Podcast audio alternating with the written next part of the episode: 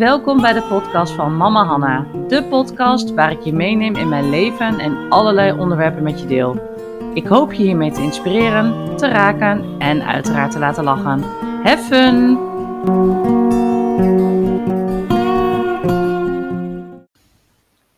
Hey, welkom bij een nieuwe podcast van Mama Hanna. Het is al een tijdje geleden dat ik mijn laatste podcast heb opgenomen. En ehm, ja, daar is een reden voor dat ik een tijdje geen uh, podcast heb opgenomen. Allereerst was ik uh, een klein beetje inspiratieloos. Maar we hebben ook heel leuk nieuws, want wij zijn weer in verwachting. Inmiddels ben ik uh, 16 weken zwanger. En ik moet zeggen dat ik ehm, eigenlijk het eerste trimester super ziek ben geweest. Ik heb um, nou ja, veel al, toch al boven de emmer gezeten en uh, veel in bed gelegen. Dus um, ja, dat was ook wel een reden dat ik uh, weinig inspiratie had, maar ook nou, weinig energie om een nieuwe podcast op te nemen. Maar door de zwangerschap ben ik wel weer enorm geïnspireerd om nieuwe onderwerpen aan te kaarten. en in deze podcast wil ik jullie meenemen naar nou ja, hoe we eigenlijk hier in, uh, in deze situatie zijn terechtgekomen. Uh, veel mensen die ons kennen, die, uh, die vragen zich ook af van, hè, maar jullie wilden toch eigenlijk het bij twee houden en niet nog een kindje? Nou, dat klopt zeker.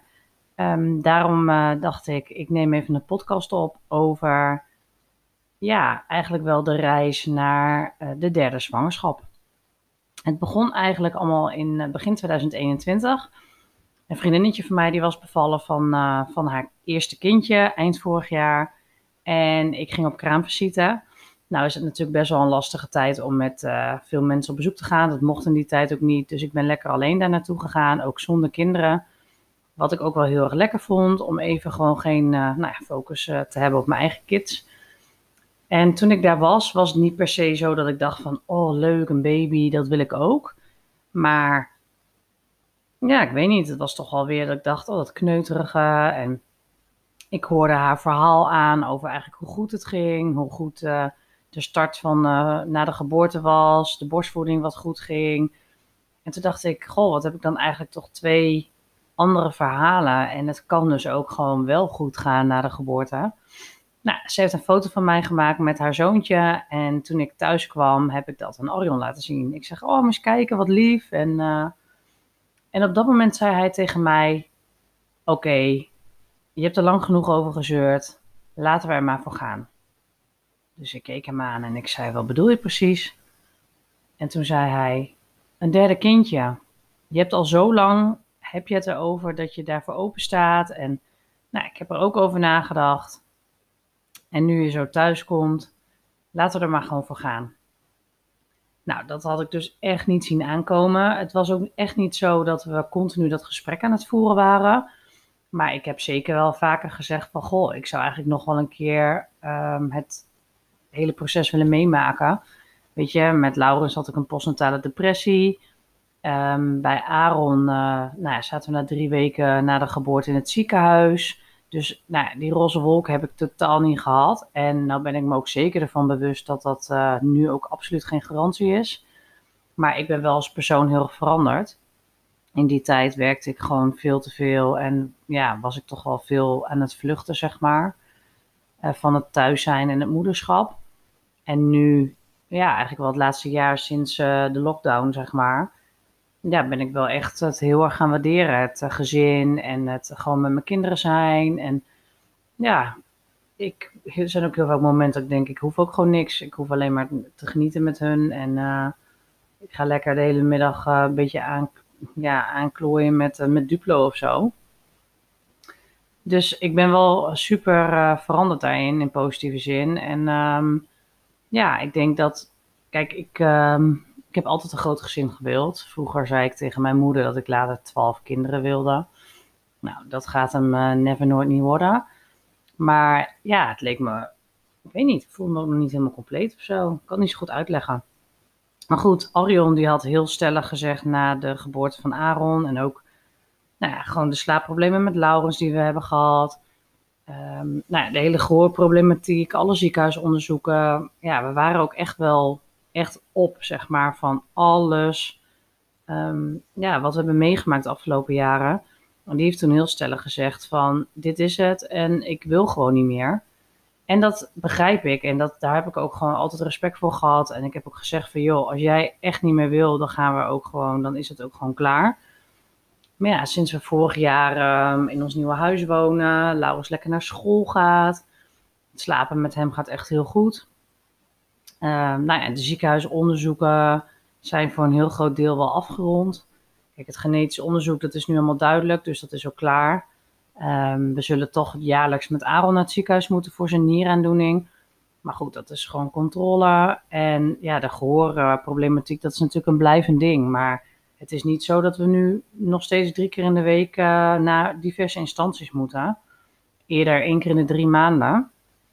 Dus er is gewoon heel veel rust hier thuis gekomen. En ja, ik weet niet, dat heeft toch blijkbaar wat zaadjes bij mij geplant. Dat ik dacht, oh, ik zou het nog wel leuk vinden om toch nog, um, ja, nog een kindje te kunnen, te kunnen verwelkomen in ons gezin. Nou goed, dus um, nou, die zondag dat ik dus terugkwam van uh, kraamvisite, hadden we het dus over. En toen zei hij van, uh, ik zeg, ja maar weet je, dat moet niet een keuze zijn van mij, maar van ons samen.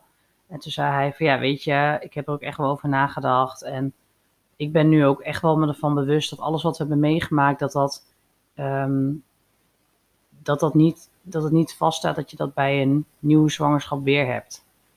Dus hè, toen dachten we van ja hoor, um, ja, een volgend kindje zal ook alweer wat zijn. En dat weet je natuurlijk nog steeds niet.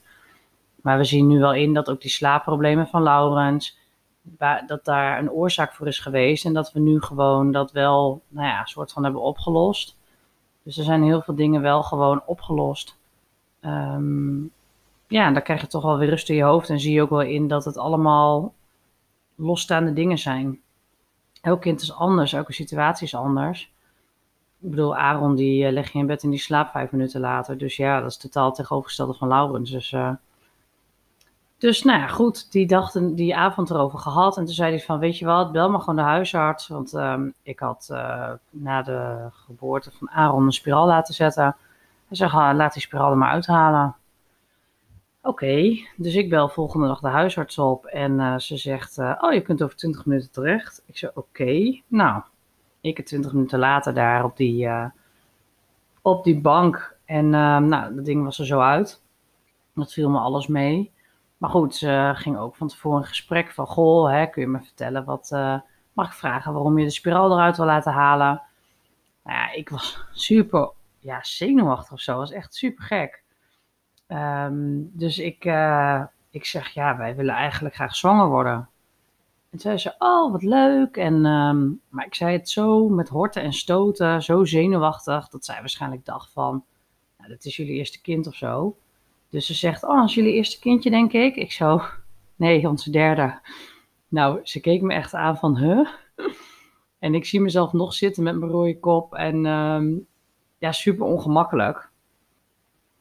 Dus nou ja, goed, toen zei ze ook wel gelijk van, hè, je kunt direct zwanger worden, bla bla bla. Dus uh, gelijk foliumzuur gaan slikken. En uh, nou, prima. Dus ik ben daarna direct naar de drogist gegaan om uh, een potje foliumzuur te halen.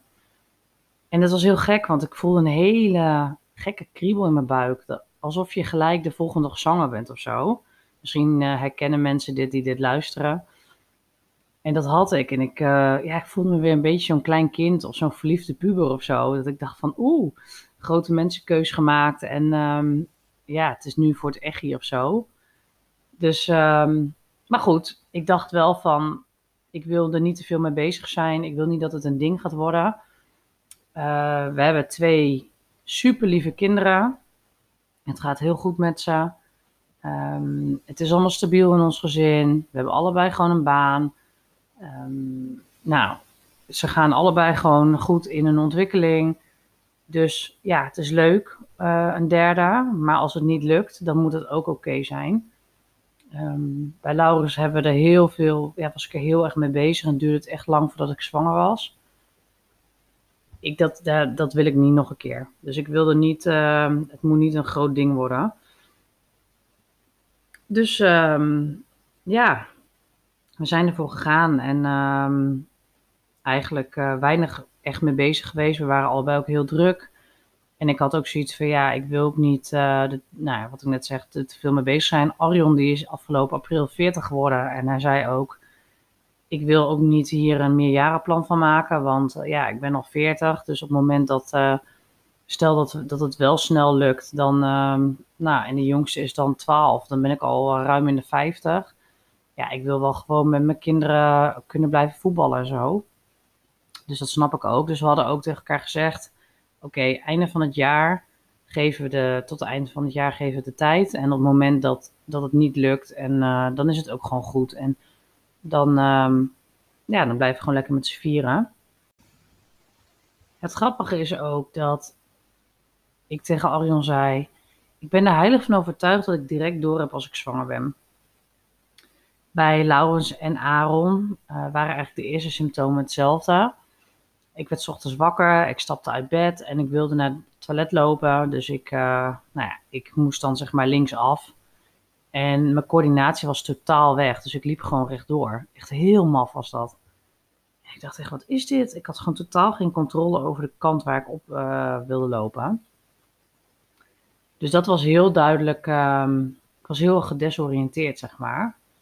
En wat echt heel duidelijk aanwezig was, was dat de koffie me niet meer smaakte dat was echt bij beide zwangerschappen echt direct, uh, nou ja, zodra ik zeg maar zwanger was, uh, was dat direct aanwezig.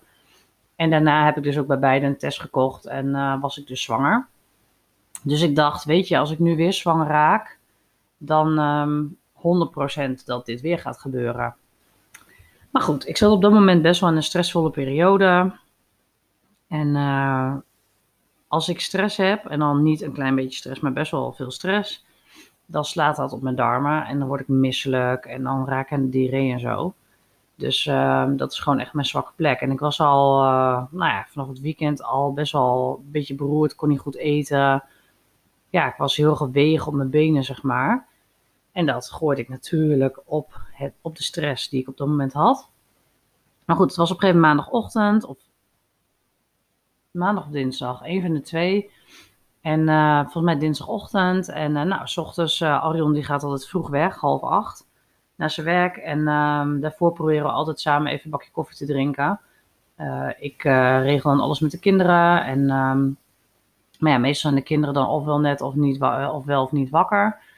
Dus nou, we zaten ook die ochtend zaten we aan tafel en, om een bakje koffie te drinken. En ik neem een slok en dat smaakt me toch smerig. Dus ik spuug nog net die koffie niet uit. Ik zeg, Oh man, wat heb je vieze sterke koffie gezet. Hij is sterk, het is helemaal niet sterk. Ik zeg, oh, het smaakt me zo niet. Maar ik was ook gelijk, ja, het viel ook gelijk niet goed of zo. Dus ik werd gelijk ook heel beroerd ervan. Dus Arion die keek me aan hij zegt, uh, je bent zwanger. Ik zeg, nee joh. Ik zeg, uh, dit komt gewoon door de stress die ik op dit moment heb. En um, ja, dat slaat gewoon heel goed op mijn maag. En ja, dan smaakt de koffie me ook gewoon niet. Weet je, misschien ben ik wel gewoon grieperig of zo. En toen zei hij van, uh, Hanna, je bent zwanger. Let op mijn woorden, je bent zwanger. Maar goed, ik moest die week ongesteld worden. En um, officieel was het volgens mij die maandag. Was ik die maandag over tijd. Dus die dinsdagochtend was ik eigenlijk al over tijd. Maar mijn periode is heel onregelmatig. Dus de ene keer is het zoveel dagen, de andere keer zoveel dagen. Dus ik dacht, weet je, als ik nou zaterdag nog niet ongesteld ben, ga ik wel testen. Want dan is het echt wel, uh, ja, dan loopt het wel te klauwen, zeg maar. Maar één dag over tijd. Ik denk, ik ga echt niet daarvoor een zwangerschapstest kopen. Dat heb ik in het verleden zo vaak gedaan bij Laurens. Dan was ik uh, over tijd en dan drie dagen later werd ik toch ongesteld. Ik heb echt een vermogen aan uh, zwangerschapstesten uitgegeven toen. Dus ik denk, dat ga ik echt niet nog een keer doen. Dus nou ja, goed. Prima. Um, de volgende ochtend eigenlijk hetzelfde. Smaakte me de koffie weer niet. En toen ging ik naar een vriendinnetje van mij. Die, uh, die was die dag thuis. En ik dacht, ik wil gewoon even een beetje afleiding. Dus ze vroegen mij van, wil je koffie of thee? Dus ik zeg van, nou, weet je, doe maar maar koffie. Misschien dat hij me hier beter smaakt. Toen draaide ze zich om en ze keek me aan en ze zei, ben je zwanger? Ik zeg, het zou kunnen, maar ik weet het nog niet. Nou, op dat moment, uh, nou, koffie drinken smaakte me ook niet echt heel erg. Maar goed, we gingen een paar films kijken. En toen zat ze me af en toe aan te kijken. En haar hond die kwam naar me toe lopen. En die zat heel erg bij me te snuffelen. Ze zegt, Hanna, je bent zwanger, 100%. Ik zeg, nou, ik weet het niet hoor. Ja, je moet een test halen. Ik zeg, nou, ik ga dat nog niet doen, joh. Ik uh, wacht gewoon even tot het weekend. Dan weet ik zeker dat ik echt over tijd ben. Nou, toen zei ze, hey, wacht, ik heb nog wel een test liggen. Dus op naar boven, kom beneden met zo'n uh, early test. Die je dus voordat je over tijd bent al kan gebruiken. En ze zegt, hier, ga even naar de wc en test even. Ik dacht, nou ja, het kan me ook gebeuren toch? Ik bedoel, hooguit dat ik niet zwanger ben. Dus ik naar de wc toe. Ik plas over die test heen. Nou, waiting komt in beeld en dat bleef maar knipperen. Dus op een gegeven moment zegt ze van, joh, heb je al een keer een uitslag? Want uh, het zou nu toch wel een keer in beeld moeten zijn. Ik zeg, nee, blijf maar knipperen. Ik denk, waarom duurt het zo lang?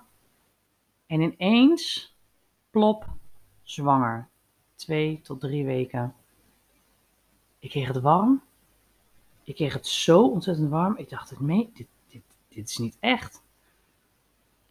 Dus ik liep het toilet uit naar haar toe en ik zei, ik ben zwanger. Ze zegt, oh wat leuk. En ze vloog me gelijk om de hals. En uh, het was echt een heel bizar moment. Want kijk, je bent er heel bewust mee bezig. Maar één, omdat ik nooit had verwacht dat we nog een derde kindje zouden krijgen, was het al um, nou ja, een beetje onrealistisch of zo. Nou, en voor de mensen die ook uh, zwanger zijn geweest, ja, het is gewoon best wel gek als je dat in je, op zo'n test hebt staan. Want kijk, je hebt nog geen buik, je voelt nog geen kind, je hebt vaak nog helemaal geen klachten. Dus het is gewoon super onrealistisch. En dat had ik nu ook. En misschien nog wel meer dan de andere twee. Nou, inmiddels is dit 12 weken geleden en ben ik uh, inmiddels alweer 16 weken zwanger. Op dit moment voel, voel ik me best wel goed, moet ik zeggen. Um, ik ben wel moe, maar goed, ik slaap heel slecht. Dat komt omdat ik heel erg last heb van dat carpal-tunnelsyndroom. Dat had ik bij die andere twee zwangerschappen ook wel meer richting het einde. Maar nu heb ik het echt al uh, gewoon vanaf week 8 of zo. Dus uh, zodra ik in bed ga liggen en mijn armen iets schuin leg, dan, uh, nou, dan heb ik geen gevoel meer. Dus daar word ik heel vaak van wakker.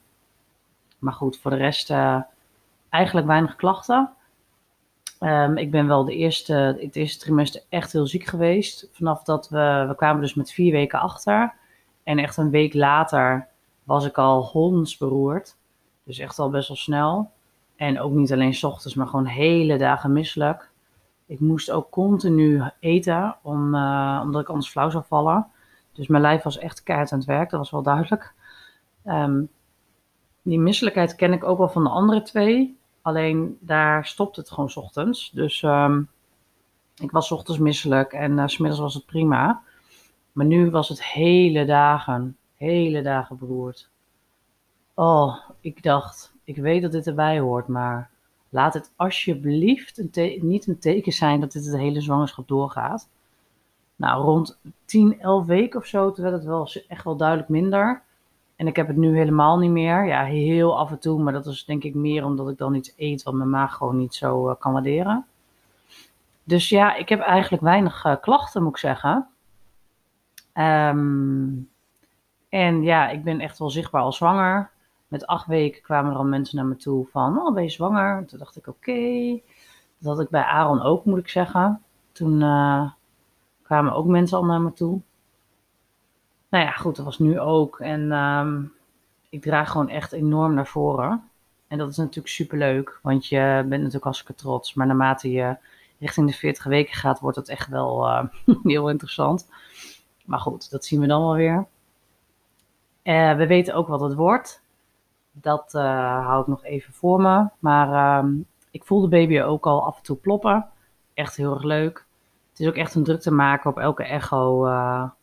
ja, is het uh, zwemmen, glijden en uh, omdraaien. Dus um, ja, het is gewoon leuk om, uh, om dit nogmaals mee te maken. En vooralsnog ziet alles er gewoon goed uit. Nou moet ik wel zeggen dat um, ik heb het volste vertrouwen in mijn lichaam en ook zeker in moeder natuur. Ik ben er echt van overtuigd dat je, um, dat je krijgt wat je aan kunt. Als ik nu terugkijk zeg maar naar nou ja, de afgelopen zes jaar en wat we hebben meegemaakt, dan vraag ik me echt af hoe we dat hebben gedaan. Echt op sommige momenten. Ik heb echt mijn koffer letterlijk wel eens ingepakt om uh, weg te gaan. Niet definitief, maar wel gewoon voor een paar nachten, omdat ik het echt niet meer trok. En toch doe je het ook gewoon. Dus je bent veel sterker dan, wat je, dan, dan je zelf denkt. Dus ik ben er echt van overtuigd dat we krijgen wat we aan kunnen. Maar ik heb natuurlijk zeker wel zorgen. En ehm, kijk, geen enkele zwangerschap is uh, zorgeloos, denk ik. Omdat je gewoon niet naar binnen kan kijken. Je weet niet hoe het gaat. Maar ja, we hebben toch wel wat um, aanleg voor afwijkingen, zullen we maar zeggen. Eén is het zo dat, um, nou ja, Arons 20 weken echo was niet goed. En toen hebben we van 20 tot 40 weken in het uh, Sofie Kinderziekenhuis in Utrecht gelopen. Of Wilhelmina Kinderziekenhuis. Een van de twee. Maar goed, in ieder geval in Utrecht in het kinderziekenhuis. Uh, ja, dan moesten we elke twee weken naartoe voor, e-, voor een echo. En die 20 weken waren echt vreselijk.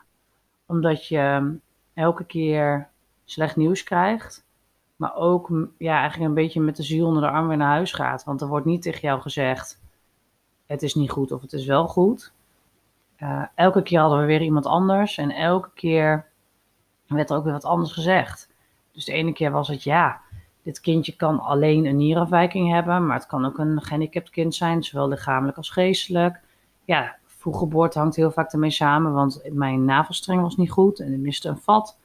Dus ja, de groei moest goed in de gaten gehouden worden. En met name vanaf 30 weken zou dat dan een probleem worden. Nou ja, goed, als het kindje niet meer goed groeit, dan, uh, ja, dan moeten we toch, uh, dan moet je gaan bevallen. Nou, dan heb je een te vroeg geboren kind.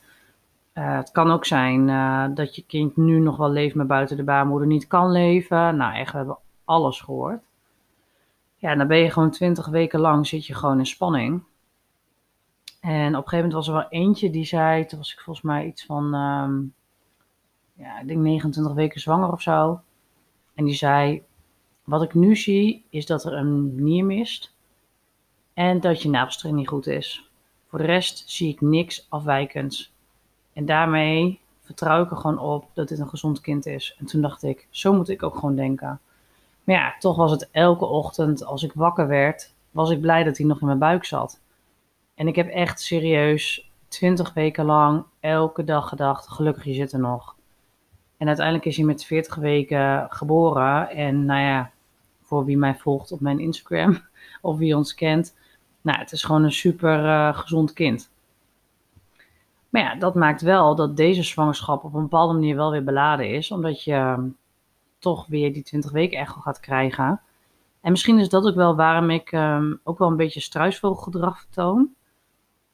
Ik ben ook nog niet heel erg met deze zwangerschap bezig. Misschien ook wel omdat je al twee kinderen hebt lopen en je bent gewoon druk. Dus het gaat ook misschien wel sneller langs je heen. Maar ook omdat ik eerst moet zien dat het allemaal oké is. En natuurlijk weet je dat pas na de geboorte. Maar die 20 weken echo is best wel een ding. En nou ja, goed, die hebben we over 3,5 weken gepland, geloof ik. In onze vakantie. Nou ja, ik vind dat, uh, ik vind dat wel super spannend. Omdat je, um, ja, het, is gewoon stress voor mij. En we hebben dus, dat was ook de reden dat we een extra echo hebben gedaan uh, met 15 weken. Want ik dacht, oké, die 20 weken echo, nou, waarschijnlijk slaap ik daarvoor niet. En het moment zelf, ja, dan lig ik daar alleen maar met super veel spanning, 100%. Dus ik wil eigenlijk gewoon nog een leuke echo, wat iets relaxter is, zeg maar. En ik wil heel graag weten wat het wordt. Dus we hebben met 15 weken een echo gedaan uh, bij onze verloskundige praktijk. Nou, we weten dus ook wat, wat het is, wat voor geslacht het is. Nou, dat vind ik gewoon super leuk. Maar ook daar hebben we al best wel wat nieuws gehad. Van, hè, ze, zag, ze zagen toch wel een goede ruggengraat. Um, waarschijnlijk geen hazellipje. Uh, ze zagen echt al vier kamers in het hart. Ze zagen de aortaboog heel mooi. Er zat vloeistof in de, in de blaas. Dus er waren best wel wat dingetjes dat ik dacht: oké, weet je, dit is misschien maar 20% van wat we te horen krijgen straks. Maar dit geeft mij in ieder geval wel iets meer rust. Dat dit in ieder geval uh, oké is, zeg maar. Dus um, daardoor heb ik wel iets minder spanning. Maar goed, dan is er nog steeds genoeg wat ze kunnen vinden. Dus ik uh, wacht die 20 weken echt wel even af. En als die goed is, dan wacht ik waarschijnlijk de 24 weken af. Totdat uh, nou ja, ons kindje levensvatbaar is. En misschien dat ik dan daarna wel denk: oh ja, ik, ik draag een baby in mijn buik. Maar goed, het is wel. Um, ja, het is wel gewoon spannend. En daarnaast hebben we natuurlijk ook nog de slechthorendheid van de kinderen. Dat is uh, uitgezocht en dat is dus een genetische afwijking. Uh, dit kindje heeft 25% kans om ook slechthorend te zijn. Omdat Arion en ik allebei dragers zijn van, uh, van dit gen. En ja, dat is iets wat we pas na de geboorte kunnen achterhalen. Dus we kunnen niet, ze kunnen geen testen doen tijdens een zwangerschap. En dat, dat hebben we ook van tevoren natuurlijk, daar hebben we het uitgebreid over gehad. Van goh, hè, we kunnen nu weer een slechthorend kindje krijgen. Willen we dat, ja of nee? Durven we dit nog een keer aan, dat traject? En ja, dat hebben we allebei volmondig ja opgezegd. Want kijk, het is natuurlijk niet um, levensbedreigend. Het is wel heel lastig. En ja, je moet ook echt uh, je kinderen ondersteunen. Um, ja, voor je kind opkomen. Uh, het, het, is niet allemaal vanzelfsprekend, zeg maar. Er zijn heel veel dingen ja, waar je toch wel tegenaan gaat lopen, waar je anders niet tegenaan loopt. Maar goed, dat zien we wel weer dan. En um, ja, ik wil niet zeggen dat we op dit moment experts zijn, maar we zijn wel aardig op weg om uh, expert hierin te worden. En ik krijg wel eens de vraag van, en dat vind ik wel mooi om, over te, om, om te delen, want ik zou zelf um, dat nooit durven stellen, zo'n vraag. Maar ik heb wel al een paar keer de vraag gekregen van, wat zou je willen? Een horend of een slechthorend kind? En dat is natuurlijk best wel een hele beladen vraag, want je eerste antwoord is automatisch dat je een horend, gezond kind wil. Ik bedoel, je wil gewoon dat je kind gewoon zorgeloos door het leven kan. Maar als ik er dieper over na ga denken, dan denk ik ja, natuurlijk. Hè, laten we voorop zetten dat we willen absoluut een gezond kind. En da daar hoort een goed gehoor ook bij. Wij zijn natuurlijk ook allebei gewoon goed horend. Maar we hebben wel twee slechthorende kinderen. En heel veel dingen in ons leven draait daaromheen. We maken gebruik, gebruik van gebarentaal. Wij hebben twee kinderen die heel veel lawaai maken omdat ze zichzelf niet horen. Nou, er komt heel veel hulp, we hebben heel veel ondersteuning, we hebben allemaal extra um, onderzoeken en um, ja, allemaal dingen met school. Dus heel veel aandacht gaat toch uit naar die slechthorendheid. Als je dan nu een kindje krijgt die horend is, tuurlijk, die groeit op hè, met uh, twee slechthorende broers. Um, maar ik vraag me af hoe dat voor het kind is. Omdat je dan toch in een gezin komt waar veel lawaai is, waar veel gaat over slechthorendheid. Een horend kind begrijpt een slechthorend kind op een bepaald vlak niet, maar andersom ook. Want ja, je weet niet hoe het is om horen te zijn, je weet niet hoe het is om slechthorend te zijn. Kijk, gebarentaal, dat kun je bij zowel horende als slechthorende kinderen toepassen, dus dat maakt niet uit. Maar je wil ook niet dat het kind het gevoel heeft van dat ja, heel veel aandacht daar naartoe gaat, zeg maar. Dus ja, misschien moet het ook wel gewoon zijn dat we nog een slechthorend kind krijgen. We gaan het zien. En daar moeten we nog even een tijdje op wachten voordat we dat weten. Normaal gesproken uh, krijg je na de geboorte de hielprik en de gehoorscreening. In Deventer hadden we dat gewoon thuis. Hier uh, is dat iets anders geregeld. Maar um, wij hebben in ieder geval gelijk gezegd dat wij die hoorscreening niet willen. Wij gaan gelijk um, naar het Radboud en we laten ons kindje daar testen. Omdat ik gewoon één, geen vertrouwen heb in die testen. Um, omdat het bij beide andere kinderen gewoon mis is gegaan. En dat zou helemaal niet moeten kunnen. En dat is toch bij onze twee kinderen wel gebeurd. En ik wil gewoon gelijk dat het uh, goed wordt gecheckt. En um, als het dan niet goed is, nou ja, dan zitten we gelijk aan het goede adres. En als het wel goed is, ja, dan hebben ze ook weer ja, info misschien voor verdere onderzoeken. Ik wil ook uh, dat het kindje gelijk wordt getest op de genetische afwijking. Voor hetzelfde geld is het kind wel drager, maar komt het niet tot uiting. Ze weten nog zo weinig over deze genetische afwijking dat, um, ja, dat ik het ook wel daarin uh, gewoon meer uh, info wil verschaffen, zeg maar, als dat kan. En ja, dus dat is eigenlijk even um, heel kort. Dus het is, we zijn super blij en dankbaar dat we dit nog een keer mogen meemaken. Ik voel me ook echt goed en het voelt ook goed. In de zwangerschap van Aaron had ik vanaf dag 1 al het gevoel dat er iets niet goed zat. Nou, dat klopte ook. En dat heb ik nu helemaal niet. Ik heb nu echt uh, het gevoel dat het gewoon super goed zit. Ik heb volledig vertrouwen. Dus um, daar ga ik gewoon op af. De jongens zijn ontzettend trots als ze bij de grote broer worden. Laurens die begrijpt het natuurlijk al een stuk beter dan Aaron. Aaron die vertelt wel aan iedereen dat er een baby in de buik zit. En uh, ik word echt overladen met kusjes en knuffels. En uh, ze zijn echt super lief voor me. Ze willen ook allebei straks helpen. Behalve de luiers verschonen, dat willen ze niet. dus dat is wel grappig. En uh, het is ook gewoon mooi om die eerlijkheid van een kind te zien. We waren ehm, twee dagen geleden in, waren Aaron, oh, Aaron en ik in de winkel. En uh, we stonden in de rij bij de kassa en er waren drie of vier kassas open en overigens stonden drie of vier mensen. En hij zat in het winkelwagentje en hij deed zijn handen op mijn buik en hij knuffelde mijn buik en toen zei hij, mijn mama heeft een baby in de buik. En iedereen, alle mensen bij de kassa's, zowel de cashiers als gewoon de klanten, iedereen werd stil. Ze keken allemaal en iedereen zei, oh wat leuk, gefeliciteerd. En Aaron was echt heel serieus en heel trots. Ja, ik heb wat grote broer. Het was zo'n mooi moment. En ik voelde me een beetje ongemakkelijk, want ja, ik kreeg ineens heel veel aandacht van alle kanten.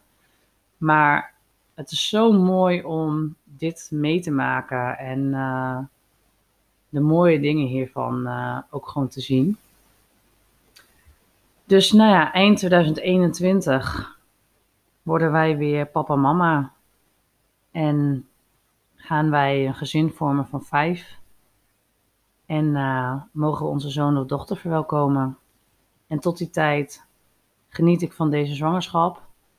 Want één ding is zeker, wat er ook gebeurt, dit zal de laatste keer zijn dat ik uh, deze bijzondere gebeurtenis ga meemaken. Super bedankt voor het luisteren. Ik zou het echt heel erg tof vinden als je mij wil laten weten wat je van deze aflevering vond.